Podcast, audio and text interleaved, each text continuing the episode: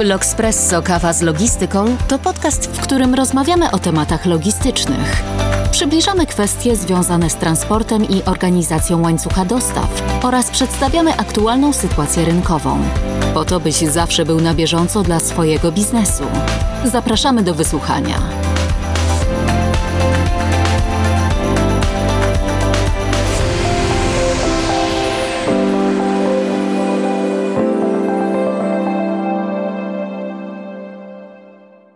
Dobry. Witam w podcaście L'Oxpresso, a moim dzisiejszym rozmówcą jest Bartosz Żołek, który opowie o współczesnych trendach w infrastrukturze magazynowej. Cześć Bartku. Cześć. Przybliż proszę naszym słuchaczom, jaką pełnisz rolę w zarządzaniu powierzchniami magazynowymi i na czym polega Twoja praca? Moja przygoda z firmą Kilnagel i w strukturach firmy Kilnagel e, trwa już łącznie 12 lat, czyli moja pierwsza poważna praca i nigdy wcześniej nie sądziłem, że tak długo będę tu, gdzie jestem i będę częścią e, logistyki kontraktowej. Od trzech lat mam przyjemność kierować zespołem e, logistyki kontraktowej w oddziale w Święcicach jako site manager. Do moich obowiązków należy kompleksowe zarządzanie powierzchnią powierzonego obiektu i mówimy tutaj właśnie o oddziale w Święcicach. Bartku, ile Kynenagel ma magazynów w Polsce i jaką powierzchnią zarządza? Jeśli mówimy tutaj, skupiamy się w dniu dzisiejszym na logistyce kontraktowej, jest to łącznie 12 powierzchni o łącznej 200 tysięcy metrów kwadratowych powierzchni magazynowej, którą firma Kinnagel, produkt logistyki kontraktowej, zarządza. A są to magazyny dedykowane pod projekty czy współdzielone? Obydwa typy magazynów są w naszym portfolio. Zarządzamy powierzchnią zarówno dedykowaną pod klienta, jak i magazynami multiklienckimi, tak zwanymi multi lub share. Mamy doświadczenie w kierowaniu obydwu, obydwoma typami e, obiektów. Naszym głównym celem jest dopasowywanie rozwiązań do potrzeb i wymagań klientów. A mógłbyś powiedzieć więcej o tym, które magazyny lepiej się sprawdzają i jak też wygląda zarządzanie takimi magazynami? W logistyce kontraktowej i w ogóle w branży DSL nie ma jednoznacznej odpowiedzi na, to, na tego typu e, pytanie.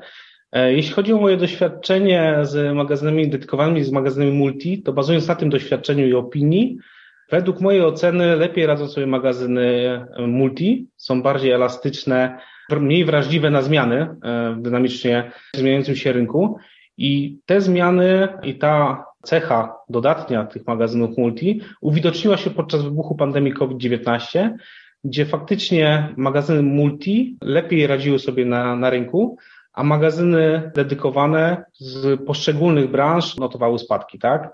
Więc jeśli chodzi o zarządzanie, wydaje mi się, że magazyn multi jest cięższy do zarządzania, ponieważ trzeba zarządzać kilkoma projektami, kilkoma operacjami wewnątrz magazynu, bardziej motywować załogę do, do, do synergii, do współpracy między projektami, a magazyny dedykowane mogą skupić się bardziej szczegółowo na operacji i rozwiązaniu dostarczanym do klienta. Więc, tak jak powiedziałem, nie ma jednoznacznej odpowiedzi, który magazyn jest lepszy, które rozwiązanie jest lepsze. Najważniejsze jest to, żeby spełnić oczekiwania i wymagania klienta i żeby klient finalnie był zadowolony z zaproponowanego rozwiązania. Czyli jeśli dobrze rozumiem, magazyny tak zwane multi, czyli łączone, mimo że są trudniejsze w zarządzaniu, to jednak łatwiej je przystosować.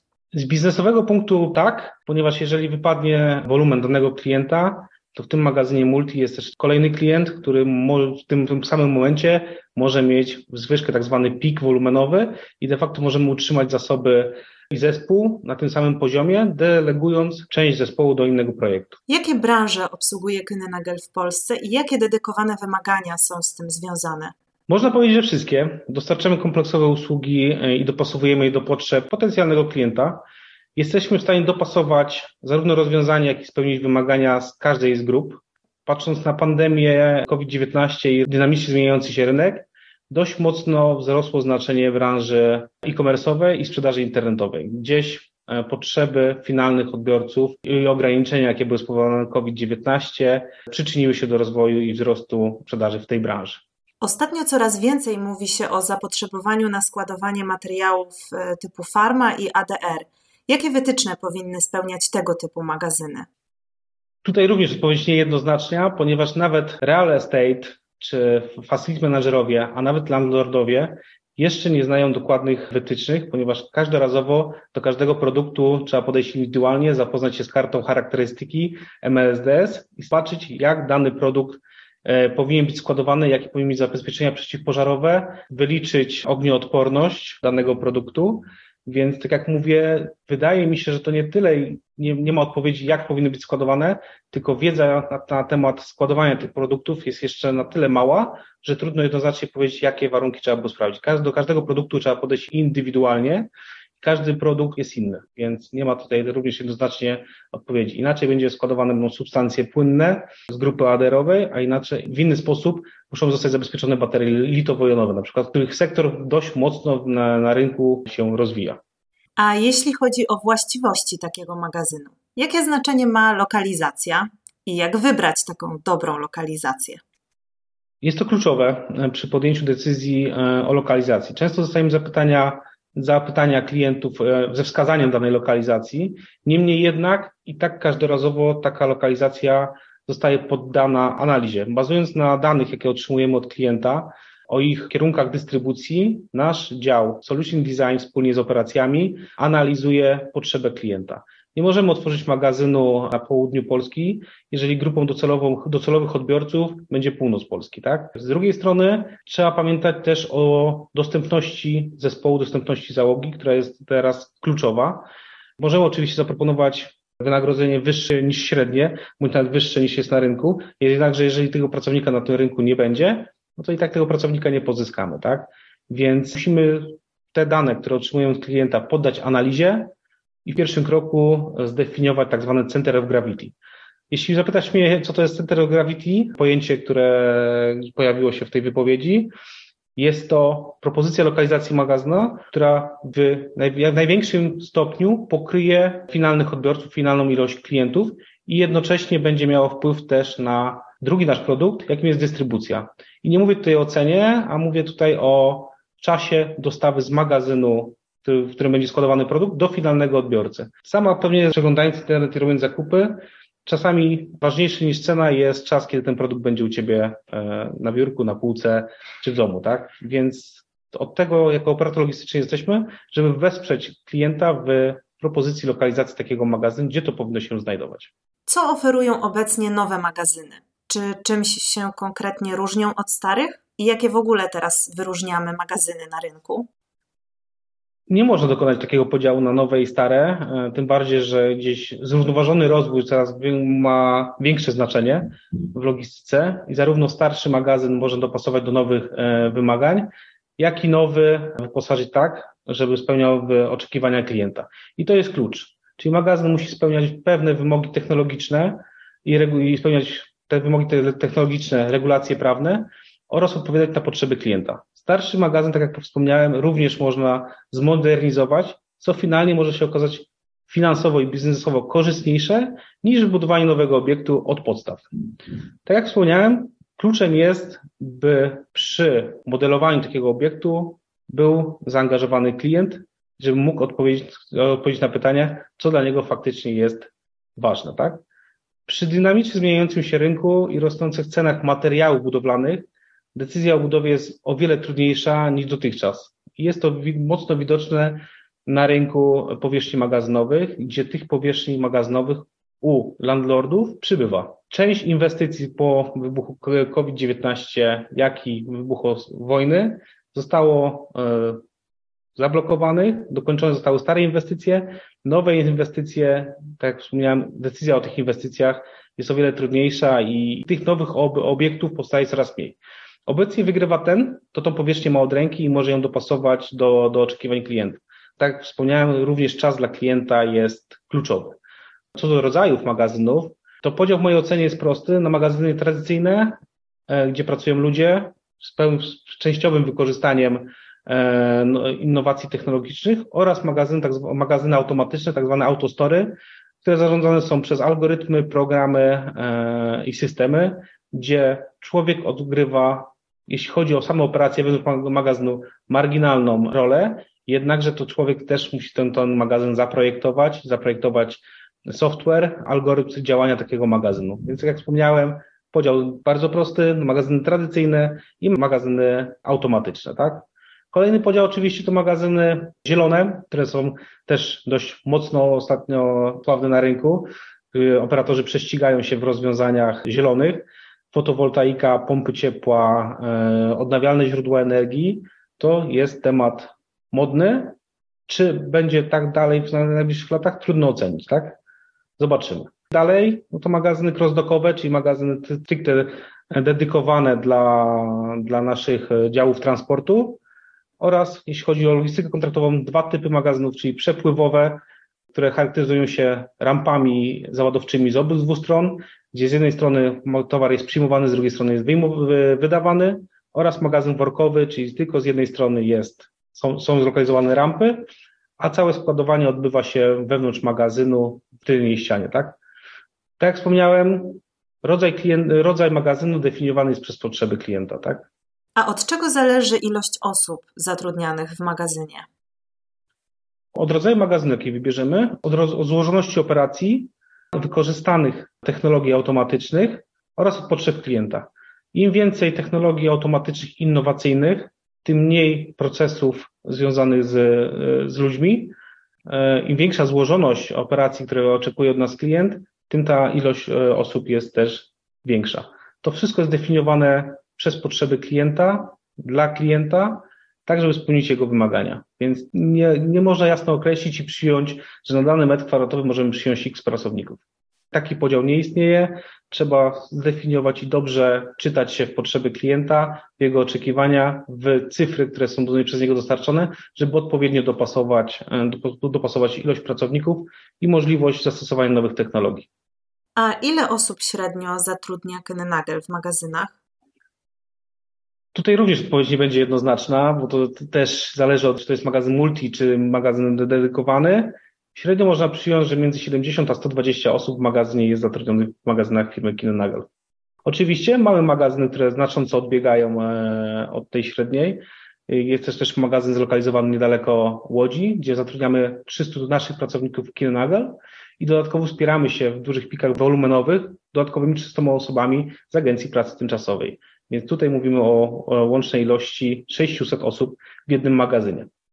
I to jest zazwyczaj tak, że w magazynach multi zatrudnia się więcej osób, czy. W magazynach typu multi zatrudnia się mniej osób, ponieważ część, i to jest główne założenie magazynów e, multi, procesy, które są powtarzalne u różnych klientów, są wykonywane przez ten sam zespół. Więc de facto magazyny typu multi charakteryzują się większą optymalizacją kosztów zarówno wynajmu wózków, jak i kosztów związanych z załogą. Coraz więcej magazynów w branży logistycznej wprowadza ulepszenia technologiczne i takie też oferuje Kennenagel. Jakie znaczenie ma automatyzacja na nowych powierzchniach? Jak wygląda i co zmienia? Obecnie ogromne. Dzięki temu zyskujesz przewagę wśród konkurencji.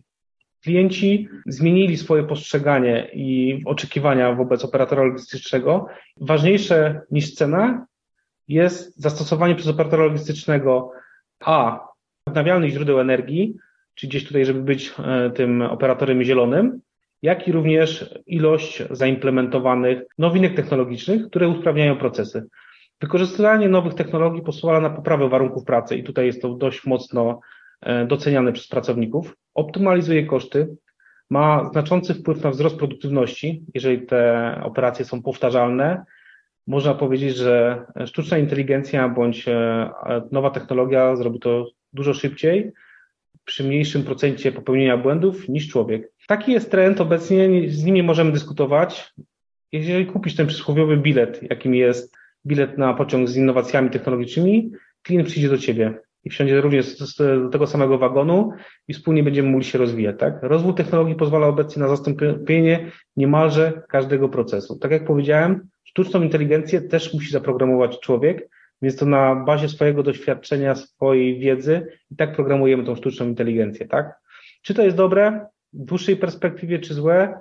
Trudno powiedzieć. Jest to modne, jest to sprzedawalne, jest to gdzieś też klucz do przyszłości, żeby uniezależnić się od coraz mniejszej dostępności e, pracowników na rynku pracy. Choć finalnie i tak nigdy nie zastąpimy, taką mam nadzieję, człowieka maszyną. Na głównej stronie Kennenagel jest możliwość wypełnienia formularza, a także wysłanie zapytania o konkretny magazyn. Jak w praktyce wygląda proces rozpatrywania tych formularzy i odpowiedź na potrzeby klienta? No i też jaki klient może skorzystać z magazynu obsługiwanego przez Kinenagel? Do każdego klienta podchodzimy indywidualnie i każdy klient w naszej organizacji, w organizacji Kinenagel jest ważny. Każdy potrzebuje indywidualnego podejścia. To, co jest najważniejsze, to informacja zwrotna. Ktoś, czyli po drugiej stronie klient poświęcił swój cenny czas, żeby zainteresować się naszą e, organizacją, kliknąć formularz, wypełnić go, podzielić się danymi, które często są dla niego, dla klienta wrażliwe, czyli już zaufał nam na momencie wypełnienia formularzu, zaufał nam jako operatorowi logistycznemu, więc nie moglibyśmy zostawić tego klienta bez informacji zwrotnych. Jeśli nie jesteśmy w stanie dostarczyć danego rozwiązania do zapytania, to zawsze zwracamy z taką informacją zwrotną, próbujemy dopytać się, o co klientowi e, chodziło, jakie są jego oczekiwania, by nie okazało się, że zrozumienie danego pojęcia będzie mylne, co doprowadzi do tego, że finalnie nie dostarczymy rozwiązania, nie pozwolimy klientowi się rozwijać i sami też nie będziemy mogli się wtedy rozwijać, tak? W tym biznesie najcenniejszy jest czas i trzeba go szanować. Jeżeli nie możemy pomóc, to mówimy nie. Jeżeli możemy w jakiś sposób pomóc, to robimy wszystko, żeby takie rozwiązanie dla tego klienta znaleźć. Jeśli chciałbyś się dowiedzieć, jak wygląda cały proces rozpatrywania takiego procesu w ogóle zgłoszenia, to do samego procesu potencjalny klient wypełnia formularz. Tak jak mówiłem na początku, każdy klient dla nas jest ważny i to bez znaczenia z jakiego obszaru bądź grupy do nas pisze i jakie ma oczekiwania. I nie ma też limitu odnośnie wolumenów, jakichkolwiek cyfr. Tak jak mówię, każdy klient ma możliwość wypełnienia formularza, przesłania do, do, go do nas. Do każdego podchodzimy indywidualnie a po wysłaniu zapytania od klienta trafia on do określonego odbiorcy, który jest odpowiedzialny za wstępną analizę i feedback. Jeżeli nie jest w stanie sam odpowiedzieć na, to, na, na, na dane zapytanie, kontaktuje się z właścicielem danego obszaru, na przykład z obszaru wspomnianego ADR, czyli towarów niebezpiecznych, czyli kontaktujemy się z naszym na przykład działem quality, czy jesteśmy w stanie takie rozwiązanie w obecnym czasie nasza organizacja będzie w stanie dostarczyć do klienta. Jeśli potrzebne są dodatkowe pytania, tak jak wspomniałem, kontaktujemy się w celu doprecyzowania zakresu usługi. Często są to dane bardzo złożone i wtedy łatwiej jest nam zdiagnozować, czy jesteśmy w stanie takie rozwiązanie dostarczyć. Często są to dane szczątkowe, typu potrzebuję składować 50 palet towaru X.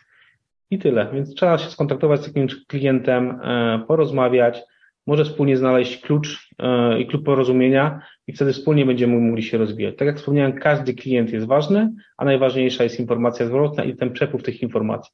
Bez przepływu informacji, sprawnego przepływu informacji nie jesteśmy w stanie odpowiednio dobierać i rozwiązań i rozwijać się jako, jako organizacja Kinenagos. Bartku, a bazując na swojej wiedzy i swoim doświadczeniu, powiedz nam, jak powinien wyglądać idealny magazyn? Jaki on powinien być?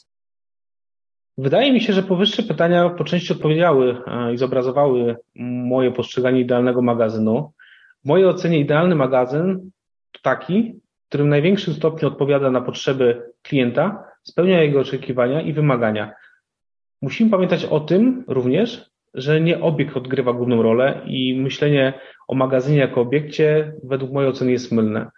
Tak samo jak za organizację tworzą ludzie, tak samo dany magazyn, dane rozwiązanie, za dostarczenie tego rozwiązania odpowiedzialni są ludzie, zespół, relacje z klientem, które musimy wspólnie wypracować, zbudować, wspólne zaufanie. Tak w mojej ocenie wygląda magazyn idealny. Czyli nie jest to obiekt, a są to relacje, zaufanie, maksymalne pokrycie e, oczekiwań i wymagań klienta.